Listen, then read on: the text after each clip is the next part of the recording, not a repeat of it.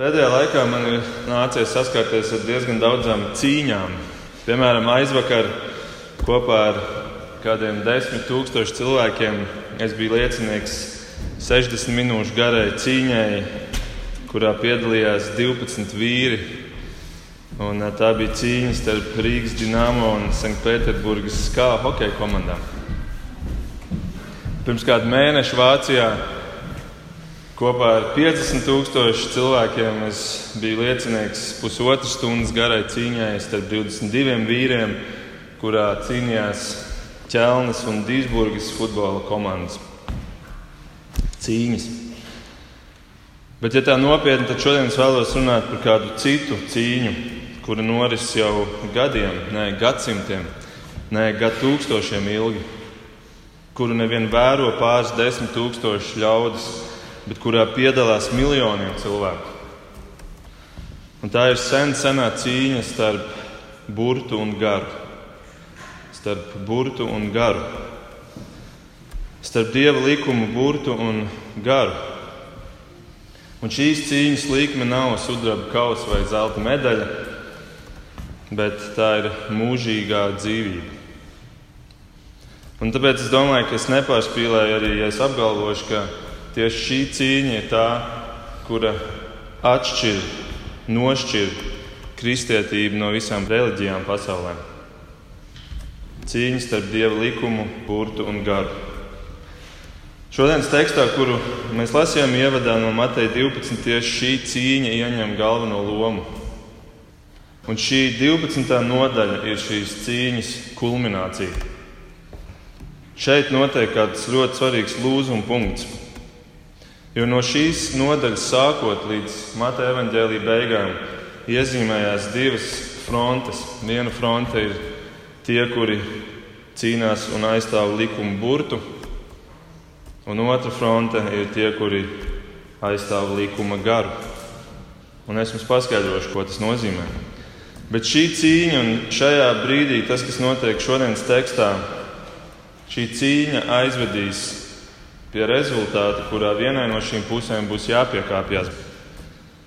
Vai arī viena no šīm pusēm būs jānovāc, jālikvidē. Un tas ir tas ceļš, kuru mēs zinām, kurš beigās saucās krusta ceļš, un kurš aizved līdz kalnam ar nosaukumu Golgāta, par kuru mēs arī dziedājam šodien. Matejs visā šajā lielajā evaņģēlijā, šajā plūsmā Jēzu pasniedz kā ķēniņu. Un es atgādinu jums, ka visi četri evaņģēlīji Jēzu parāda mazliet no cita rakursa. Matejs viņu parāda kā ķēniņu, Marks viņu parāda kā kalpu, tātad diametrāli pretēji. Pēc tam Lūkas viņu parāda kā cilvēku, un Jānis viņu parāda kā dieva dāvu. Līdz ar to visi četri evaņģēlīji mums dod to pilno, plašo bildi par to, kas ir Kristus. Bet Matejs viņu pasniedz kā ķēniņu, un pirmajās 11 nodaļās viņš dod pierādījumu pēc pierādījuma, lai pārliecinātu, šis ir tas gaidāmais mesija, kuru gadu tūkstošiem ilgi jau cilvēki gaidījuši. Piemēram, pirmajā nodaļā ir ķēniņa ciltsraksti, kuri pierāda, ka šis ir mesija, kurš nāks caur Dāvida cilti, un tāpēc jūs varat ticēt visam tam, ko es tālāk rakstīšu par viņu. Mateja otrajā nodaļā bija ķēniņa sagaidīšana, kur nāca šie austrumu gudrie, kuri ir magi, kas bija tajā laikā ķēniņu oficiālie iecēlēji. Un turpat mēs redzam, ka Hērods, valdošais ķēniņš, jūtas apdraudēts, jo viņš saprot, ka te ir piedzimis kāds jauns ķēniņš, par kuru ir runāts jau senajos rakstos. Un tad pienāk trešā nodaļa, un tur ierodās ķēniņa vēstnesis, saucēja balss tūkstnesī, kas sagatavo ceļu šim ķēniņam, Jānis Kristītājs. Un tur notiek ķēniņa inaugurācija, kristības. Un tur Dievs skatās uz šo Kristu un saka, man ir labs prāts, viņš ir derīgs šai misijai. Bet pirms šis ķēniņš dodas savā misijā, notiek atentāta mēģinājums pret viņu. Nāk Sātans, Matei 4, tūkstnesī un viņu kārdina un cenšas apturēt viņu, pirms viņš ir izgājis pie tautas un sācis savu misiju. Bet Kristus iztur šo uzbrukumu Un tad viņš dodas pie tautas, viņš uzkāpa kalnā viņš dod šo visu laiku izcilāko svētkrunu, kalna svētkrunu, ķēniņa manifests, Mātei 5 līdz 7. Un tad viņš nokāpa no kalna lejā, un 8. un 9. nodaļā viņš demonstrē savu varu, ka viņam ir ne tikai vārdi likti mutē, bet ka viņam ir dota vara darīt to, kas pienāks ķēniņam, Dieva dēlam. Un viņš dara brīnumus, viņš parāda savu varu pār miesu un dziedina cilvēkus, un parāda savu varu pār dēmoniem un izdzen tos, un savu varu pār dabu, apklusina vētru, un viņš, viņš dara un dara un dara. Un tad pienāk desmitā nodaļa, un viņš izvēlās savus kalpus, jeb savu ķēniņu galmu. Un viņš aicina šos 12 mācekļus, un viņš apmāca viņus. Un arī viņi sāk darīt kaut ko no šī lielā darba, ko ķēniņš ir darījis.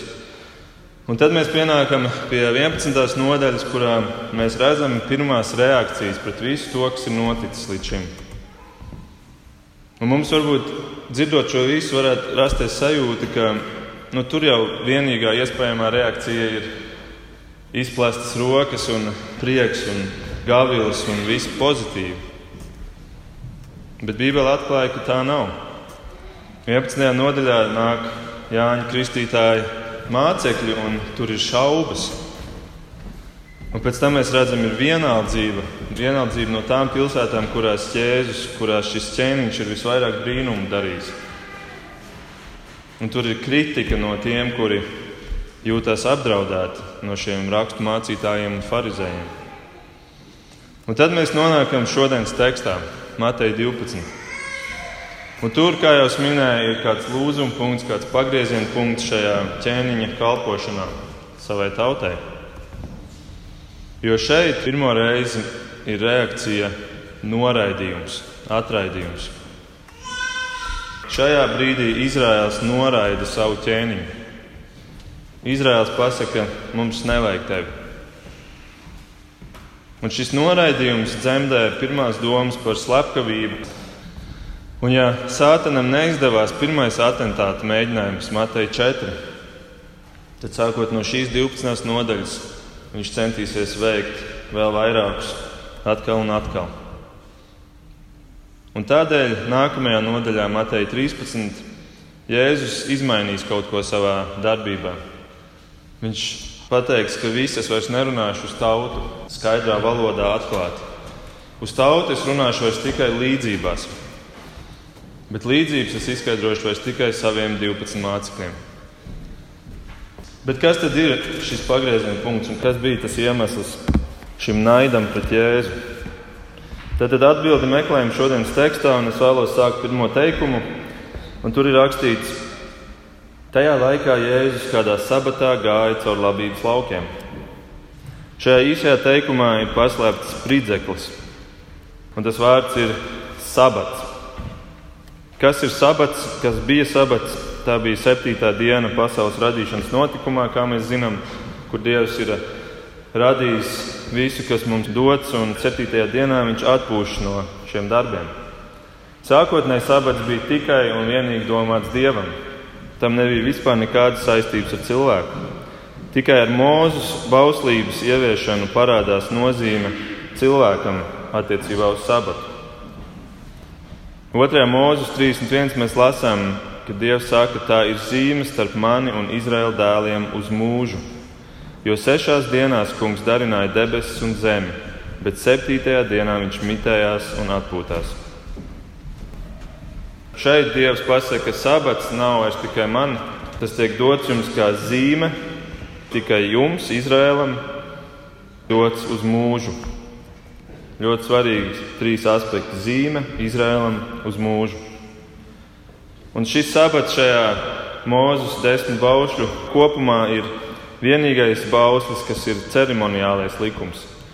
Tie, kas ir ar mums ilgāku laiku mācījušies, tie zina, ka ir visa bauslība sadalīta trīs daļās. Ir morālie likumi par mūsu morālo dzīvesveidu, ir ceremoniālie likumi, kas bija doti tikai Izrēlam, kā ceremonijas, kas ir jādara, lai atcerētos Dieva klātbūtni un darbu.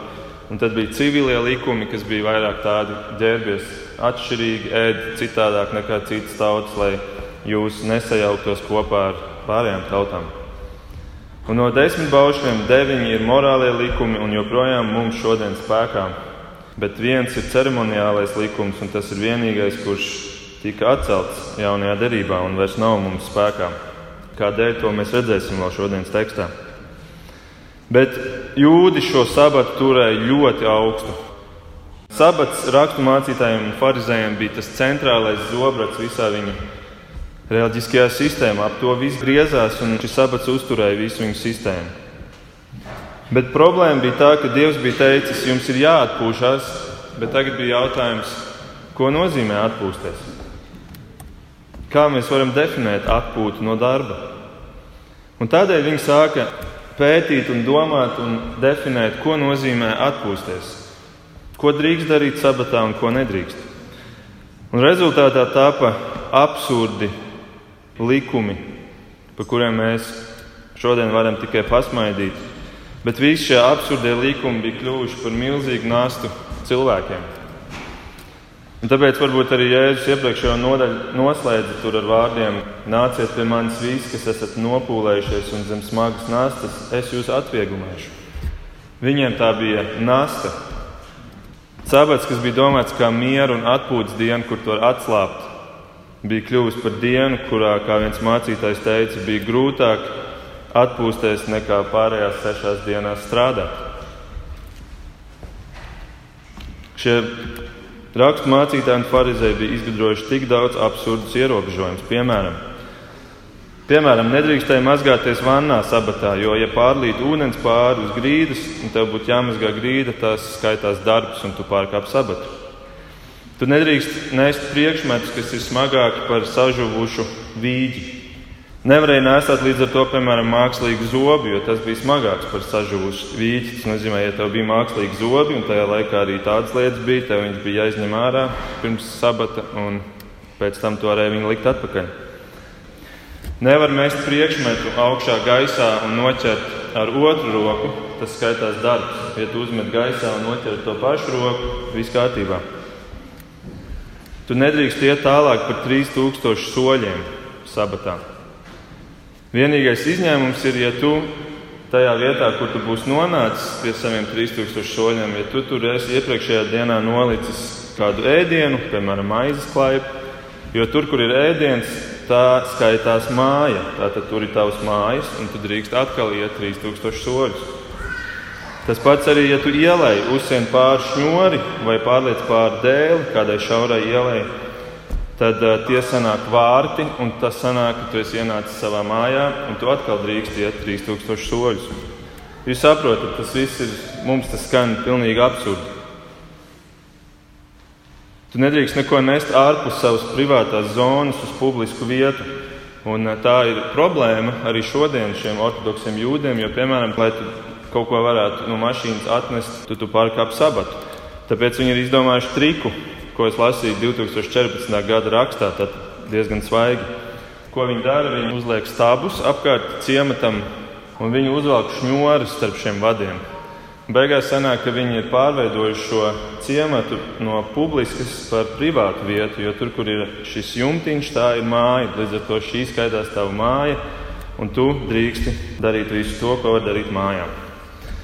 Un tā tālāk, vēl, piemēram, nevarēja skatīties spogulī, jo, ja tu ieraugi īpaši sievietes kādu sirmu matu, tad tev ir kārdinājums izplēst to, un tas ir darbs.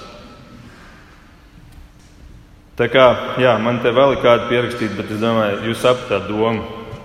Viņi to uztvēra ļoti burtiski. Šobrīd, skatoties šo, mēs varam teikt, ka ir skaidrs, ka tas nebija likuma gars.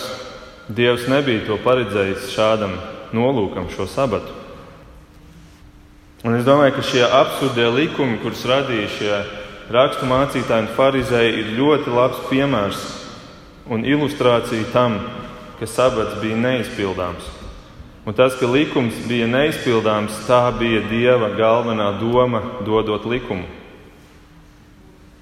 Nevis, lai tu viņu mēģini izpildīt līdz pēdējai detaļai, un tad tu jūties, ka tu esi viņu izpildījis un ar tevi viss ir labi bet lai viņš tev parāda, ka tu viņu nespēji izpildīt.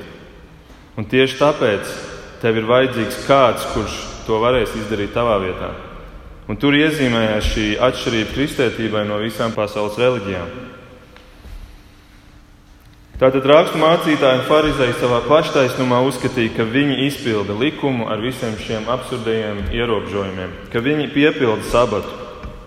Bet tas, ko viņi patiesībā bija izdarījuši, viņu dieva standarts bija novilkuši zemāk un zemāk, līdz viņi varēja pārkāpt šim dieva standartam pāri un to izpildīt. Un tagad ierodās šis Jēzus, un viņš, ko viņš dara, viņš apdraud šo rakstu mācītāju un farizēju interpretāciju par sabatu. Kas tad bija īsti tas strīda ābols šeit? Lasot tālāk, pirmo un otro pantu, mēs lasām, viņa mācekļi bija izsalkuši un tie sāka plūkt vārdus un ēst. Bet farizēji to redzēdam sacīja viņam: Redzi, tavi mācekļi dara, ko sabatā nav atļauts darīt. Tad Jēzus kaut kur ārpus pilsētas, jo labības lauka parasti ir ārpus pilsētām, dodas un, un viņiem gribās ēst. Viņiem ir šī cilvēciskā vajadzība, viņi grib ēst, un ko viņi dara? Viņi plūc vārpus un ēd, un šie rakstu mācītāji to redz. Tātad pirmkārt mēs varam jautāt, kā viņi vispār redzēja, vai viņi gadījumā nepārkāpa savu 3000 soļu ierobežojumu, sekojot Jēzum pa labības laukiem. To mēs nezinām, bet katrā ziņā Jēzus ēd no vārpām. Un tas, kas bija tolaik pieņemts, ka tu drīksti iet gar kaimiņa vai citu, citu īpašnieku laukiem, un tu drīksti ņemt un plūkt vārpas, un, un, un tu viņus pēc tam izrūlē, un tev paliek graudi, un tu viņus ēd. Dievs bija parūpējies par ceļniekiem un devis jau 5. mūzika 23 šo atļauju, kur ir rakstīts, ka tu ieeji savā kaimiņa labībā. Tu vari plūkt vārpus ar roku, bet ar sirpi savu kaimiņu labībai klāt neķeries. Tātad ēst savām vajadzībām tu drīksti, tagad sākt un pļaut, protams, to tu nedrīkst, un tas ir ļoti loģiski, vai ne? Bet arī sabatā ir aizliegts pļaut, un tas ir rakstīts 2. mūzes 34, kur Dievs saka, sešas dienas strādā, bet septītajā dienā atpūties, pat ja tas būtu aršanas un pļaušanas laikā, tev ir jāatpūšas. Jā, tā tad ir aizliegts pļaut, un ir aizliegts pļaut tīpaši sabatā.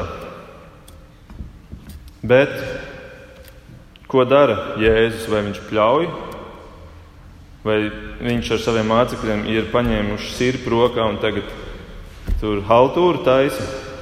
Tas ir tas, ko acīm redzot šo rakstu mācītāju farizēju viņiem pārmet, jo viņi saka, ka redzi, tavi mācekļi dara, ko sabatā nav atļauts darīt.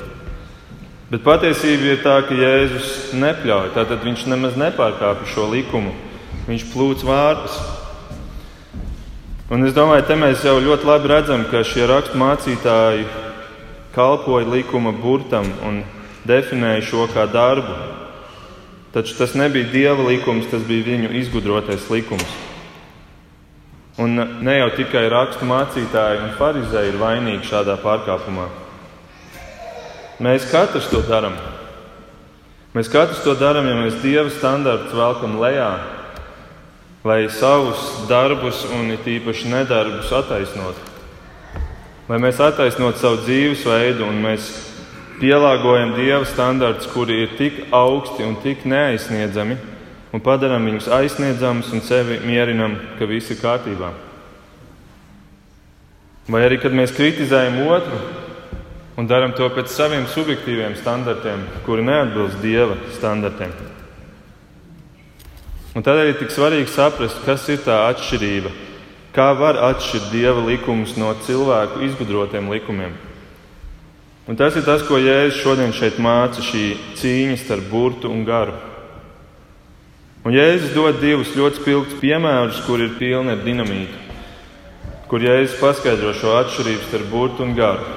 Pirmais piemērs ir trešajā pantā, kur Jēzus sacīja: Vai tad jūs neesat lasījuši? Mums varbūt, es te ielikšu pauzi, mums varbūt te liekas nu, ļoti normāla uzruna, vai tad jūs neesat lasījuši? Bet es domāju, raksturmācītājiem, farizējiem viņi jau jūtās aizvainoti ar šo vienu cīnisko jautājumu. Vai tad mēs neesam lasījuši? Zini, Jēzu, mēs neesam tikai rakstu lasītāji, mēs esam rakstu mācītāji. Bet, ja es saku, vai tad jūs neesat lasījuši, ko darīja Dāvids un tie, kas bija ar viņu, ka tie bija izsalkuši? Kā viņš iegāja dieva namā un ēda dievu priekšā liktās upurmaizes, ko neklājās ēst nec viņam, nec tiem, kas bija ar viņu, bet tikai un vienīgi priesteriem. Kas bija šīs upurmaizes? Tas bija sajiešanas teltī, kas bija pirmais dieva mājoklis, ja tā var teikt, pirms tika uzcelts templis. Šajā sajiešanas templī bija zelta galds, un uz šī galda bija 12 lieli kukuļu maizes, salikti divās rindās pa seši. Un šie 12 kukuļi simbolizēja 12 Izraēla ciltis. Un šīs upuru maizes sauc arī par klātbūtnes maizēm jo tās liecināja par Dieva klātbūtni Izrēlam. Un ko viņi darīja? Viņi katrā sabatā šīs maizes cepa no jauna un vecās lika nost, un tās drīkstēja ēst tikai priesteri. To Dievs bija noteicis. Un tad ierodās šis jaunais Dāvids, un viņš mūk no saula kopā ar dažiem biedriem, un viņi ir izsalkuši. Un viņi lūdz priesterim, vai drīkst lūdzu šīs upurmaizes, jo nav nekā cita, ko ēst. Un beigās viņi arī saņem un viņi ēd viņas, un viņi dara to, kas pēc burta nebija atļauts. Bet Jēzus ar šo atklāja kādu ļoti svarīgu aspektu dieva likumiem. Ka dieva likumu pamatnozīme ir kalpot cilvēku vajadzībām. Dieva likumu pamatnozīme ir kalpot cilvēku vajadzībām. Es domāju, ka cilvēki ārpus baznīcas, kuriem nav sakara ar ticību, viens no viņa argumentiem ir, ka tā kristētība jau jums tikai uzliek likumus un ierobežojumus, un, un tas viss jums tikai kropļo jūsu dzīvi. Bet patiesā nozīme Dieva likumiem ir palīdzēt cilvēkiem. Sabats ir ļoti labs piemērs. Sabats bija dots, lai tev palīdzētu. Mēs patiesībā to darām. Es ceru, ka mēs nestrādājam septiņas dienas nedēļā, bet strādājam piecas vai sešas un atpūšamies. Tātad Dieva likuma gars ir kalpot cilvēku vajadzībām, un šis Dāvida piemērs ļoti labi to ilustrē. Ka šis sabats ir kā mīlestības zīme, lai nestu mieru un atvieglojumu cilvēkam. Tāpat kā to dara vispārējie deviņi bauši, kas ir baušļi starp cilvēku un dievu, un tā mīlestība un starp cilvēku un cilvēku horizontālā. Kā tu attieksies pret cilvēku, kā tu izrādīsi viņam mīlestību, viņu neslepkavojot, viņam nemelojot, nepārkāpjot laulību ar vīru un sievu. Tātad sabata pamatfunkcija ir kalpot cilvēkam. Tas ir tas pats pamats. Mēs pirms kāda laika ģimenē nopirkām otru mazu mašīnīti, automašīnu. Mums, kā jūs daudz zinat, ir liela ģimene, četri bērni, un tad mums ir tāda viena liela mašīna, un tad mēs nopirkām tādu pavisam mazu. Un tas ir elektromobīls. Tātad 100% brauc tikai ar elektrību. Un tad mēs esam atklājuši, braukājot ar viņu, kādu gudru funkciju, ko ir iebūvējis šīs mašīnas ražotājs. Proti, kad baterija tuvojas beigām, Es neatceros, vai tur bija 10% vai 20%. Tad automašīna pati atslēdz visas sekundārās funkcijas. Tā izslēdz automātiski radio, gaisa pūtēju, paneļa apgaismojumu. Kādēļ? Tādēļ, lai maksimāli veltītu visu enerģiju tai pamatfunkcijai, kas ir braukšana. Pamatfunkcijai. Un es domāju, ka sabata ražotājs Dievs dara to pašu, ka sabatu ir uzbūvējis pamatfunkciju kalpot cilvēku vajadzībām. Kalpot cilvēku vajadzībām. Tādēļ Jēzus Marka 2 saka, ka sabats ir iecelts cilvēka dēļ, bet nevis cilvēka sabata dēļ. Redziet, tātad raksturmācītājiem Pharizēji uzskatīja, ka Jēzus te ir pārkāpis sabatu.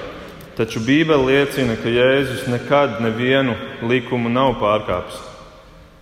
Un Jēzus pats Kalnu svētumā saka, nedomājiet, ka es esmu nācis atmest bauslību vai praviešus. Es neesmu nācis tos atmest, bet piepildīt. Jo patiesi es jums saku, iekams debesis un zeme zudīs, pat vismazākais burts vai rakstu zīme no bauslības nezudīs, līdz tas viss notiks. Kas atmetīs kaut vienu no šiem vismazākajiem baušļiem un tā mācīs cilvēkus, tas tiks saukts par vismazāko debesu valstībā. Bet kas tos pildīs un mācīs, tas tiks saukts par varenu debesu valstībā. Jo es jums saku, ja jūsu taisnība nav pārāka par rakstu mācītāju un farizēju taisnību, tad jūs neieiesiet debesu valstībā. Ja es šeit ļoti skaidri pasaku, rakstu mācītāju un farizēju interpretācija dieva likumiem ir galīgi nepareiza. Jēzus nevien atspēko šo savu pozīciju, bet viņš vēl parāda viņiem un atklāja viņiem, ka jūs esat nepareizi izpratuši. Jūs, kuri patiesībā esat iecelti gadsimtiem ilgi mācīt tautu šajās garīgajos jautājumos, jūs esat tas paraugs šai tautai, jūs esat tie profesionāļi, jūs esat tie speciālisti, jūs esat tie, ja mēs varam ņemt salīdzinājumu, tie automašīnas meistari. Un jūs to visu šo laiku nepareizi interpretējat. Un es domāju, ka šeit var just jau kādēļ, kādēļ šī visa saruna beidzās ar nodomu šo jēzu novākt.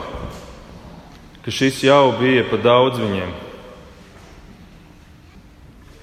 Bet Jēzus iet vēl vienu soli tālāk, un viņš pēc Dāvida min otru piemēru. Viņš saka, Vai jūs neesat lasījuši bauslībā, ka priesteri templī sabatā pārkāpja sabatu un tomēr ir bez vainas? Kādā ziņā priesteri pārkāpja sabatu templī? Strādājot sabatā, tāpat kā mācītājs strādā svētdienā. Katru sestdienu viņi sabatā upurēja un vēl darīja to lielākā apjomā nekā pārējās dienās. Savā ziņā viņi visu laiku strādāja. Un Jēzus saka, vai tad jūs neredzat, ka viņi to dara un tomēr viņi ir bez vainas? Un Jēzus vēl vienu jūtīgu vārdu šeit ir ienesis klāt. Viņš ir pieminējis vārdu templis. Templis bija dieva dzīvesvieta, dieva mājoklis. Mēs varētu teikt, ja dieva mājoklī netiek izpildīti visi dieva likumi, tad kur gan vēl? Ja iepriekšējā piemērā Dāvida runa bija par sajiešanas telpu, tad tagad jau ir līmenis augstāks templis. Jēzus saka, ka sajiešanas teltī jau tika atcelts šis sabats, un templī tika atcelts šis sabats katru nedēļu. Un es domāju, šie vārdi vienkārši grāva visu pasaules uztveri raksturmācītājiem un farizējiem. Bet ko dara Jēzus? Viņš paiet vēl vienu soli tālāk, jo viņš sestajā pantā saka šo Bet es jums saku, šeit ir kas lielāks par templi. No sajiešanas telts viņš pakāpās uz templi, bet tagad viņš paiet vēl vienu soli augstāk. Viņš saka, šeit jūs priekšā stāv kaut kas, kas ir vēl lielāks par templi. Kas tas ir? Pats Kristus. Un lūk, es domāju, šis ir tas pagrieziena punkts, šajā Kristus ceļā no ķēniņa uz Golgātas mocekli. Jo šeit viņš pasaka, es esmu Dievs. Es esmu izgudrojis sabatu. Tas biju es. Un tāpēc arī es interpretēšu sabatu tā, kā es gribēšu. Un jūs no tā neko nesaprotat. 7. un 8. pantā viņš turpina, ja jūs saprastu, ko tas nozīmē, ka es gribu žēlsirdību, nevis upuri, tad jūs nenosodītu nevainīgos, jo cilvēka dēls ir kungs pār sabatu. Atvainojiet, rakstu mācītājiem, farizēji, bet jūs esat gaismas gadu attālumā no pareizās izpratnes par likuma garu. No tā dieva, kurš mīl žēlsirdību, šo, šo silto, mīlošo, uz cilvēkiem vērsto kalpošanu, nevis augstu likumu burtu izpildīšanu, kas līdzinās vairāk smagam upurim. Un, ziniet, mīļie, tas nav tikai sabata likuma gars, tas ir visa dieva likuma gars. Šis sabats ir kā simbols visam dieva likumam. Un tādēļ, kad Dievs grib šo uz cilvēkiem vērsto kalpošanu. Tādēļ Dievs mums katram dod šīs gara dāvanas, ar kurām mēs pēc tam ejam un kalpojam citiem draugiem, ar kurām mēs kalpojam nevis sev, bet citiem. Tādēļ, ko mēs varam mācīties no šodienas iespaidīgā notikuma? Mēs varam mācīties, ka likuma burts ir atcelts, jā, caur Kristu, kurš pāris nodaļas vēlāk nonāk tur Golgātā, un kur viņš piepilda šo likumu, kur viņš piepilda sabatu. Un tādēļ, ka viņš to ir piepildījis, tādēļ mēs esam brīvi no tā. Mēs esam iegājuši mierā, tā kā ebrejiem četri saka. Un neviens mūs vairs nevar tiesāt par sabatu, kā mēs lasām kolosiešiem divi. Tad, nu, lai neviens jūs netiesā par ēdienu un dzērienu un par attieksmi pret svinamām dienām, vai par jaunmēnesi svētkiem, vai par sabatu, jo tas viss ir kā nākamības ēna, bet pati nākamība jau ir kur? Kristū. Tas viss ir atcelts, jā, jo tā bija ēna kaut kam īstam, Tā bija ēna Kristum, tā bija ēna likuma garam.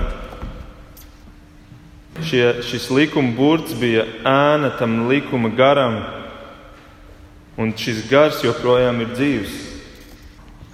Šis gars sabatam joprojām ir dzīves. Tāpēc mēs vairs nenākam sestdienā un darām to tāpēc, ka tas bija tieši sestdienā no saula rieta līdz saulrietam Mēs nedarām to tādēļ, lai tikai nepaceltu kaut ko pārāk smagu vai neizdarītu kādu aizliegtu darbu, par kuru starp citu draud nāves sots arī šodien šiem ortodoksiem jūdiem. Nē, mēs to nedarām sestdienā, nedēļas pēdējā dienā, bet mēs to darām svētdienā, nedēļas pirmajā dienā, kurā Kristus augšām cēlās šis sabata piepildītājs, cēlās augšā jaunai dzīvei. Un tā ir jauna derība starp dievu un cilvēku. Brīvība, brīvība, un tomēr šis gars joprojām ir spēkā. Un tādēļ mēs joprojām nākam un kalpojam.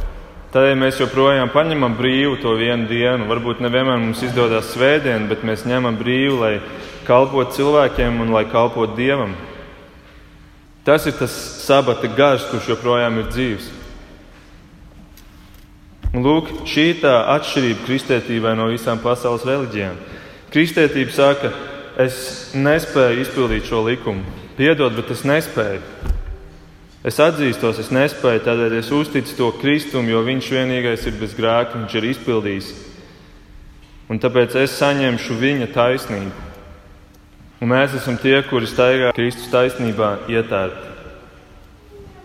Kamēr pasaules reliģijas turpina šo rakstu mācītāju un farizēju ceļu, stāstot sev, es izpildu likumu, tad es esmu taisns Dievu priekšā, un tad, kad būs tiesas diena, tad Dievs redzēs, ka es neesmu pārkāpis viņa likumus, kas ir pilnīgs absurds. Bet ir arī otra cilvēku grupa, kur saka, tie likumi jau tāpat nav vajadzīgi. Es tāpat viņus nevaru izpildīt, tāpēc man viņi nav vajadzīgi, un es dzīvoju kā es gribu, es dzīvošu sev. Gan jau Jēzus teiks, viss būs ok. Nē, neviens ne otrs ceļš neaizvedīs pie Kristus. Tikai tas ceļš, kurā tu lūdz Kristus taisnību. Un šīs dienas notikums nebeidzās tikai ar sarunu starp Jēzu un rakstu mācītājiem. Tai sekoja arī praktisks piemērs. Šajā piemērā Jēzus vēlreiz pasvītro, ka sabata gars ir kalpot cilvēku vajadzībām. Un es vēlos ar to arī noslēgt, nolasīt šos atlikušos pantus, kuros mēs redzam šo ļoti izteikto atšķirību, kurā viena puse Jēzus saka, sabatā vajag kalpot cilvēkiem, un kur raksturmācītāji un farizēji izdara gluži pretējo un saka, mums ir jānovāc šis cilvēks no 9. panta. Iedams prom no turienes Jēzus iegāja viņu sinagogā un redzi, tur bija kāds cilvēks, kuram bija paralizēta roka. Tie viņam jautāja, vai drīkst dziedināt sabatā, lai pēc tam varētu viņu apsūdzēt. Bet viņš tiem sacīja: Kurš no jūsu vidus, kam sabatā avs būtu iekritus bedrē, to nesatvērtu un neviltu ārā? Cilvēks ir daudz vērtīgāks par āvi Tādēļ ir atļauts sabatā labu darīt. Tad Jēzus tam cilvēkam sacīja: Izstiep savu roku. Viņš roku izstiepa, un tā kļuva vesela, tāda pati kā otra. Un farizēji izgājuši laukā, tūlīt sāka apspriesties, kā viņu nodot nāvē. Amen!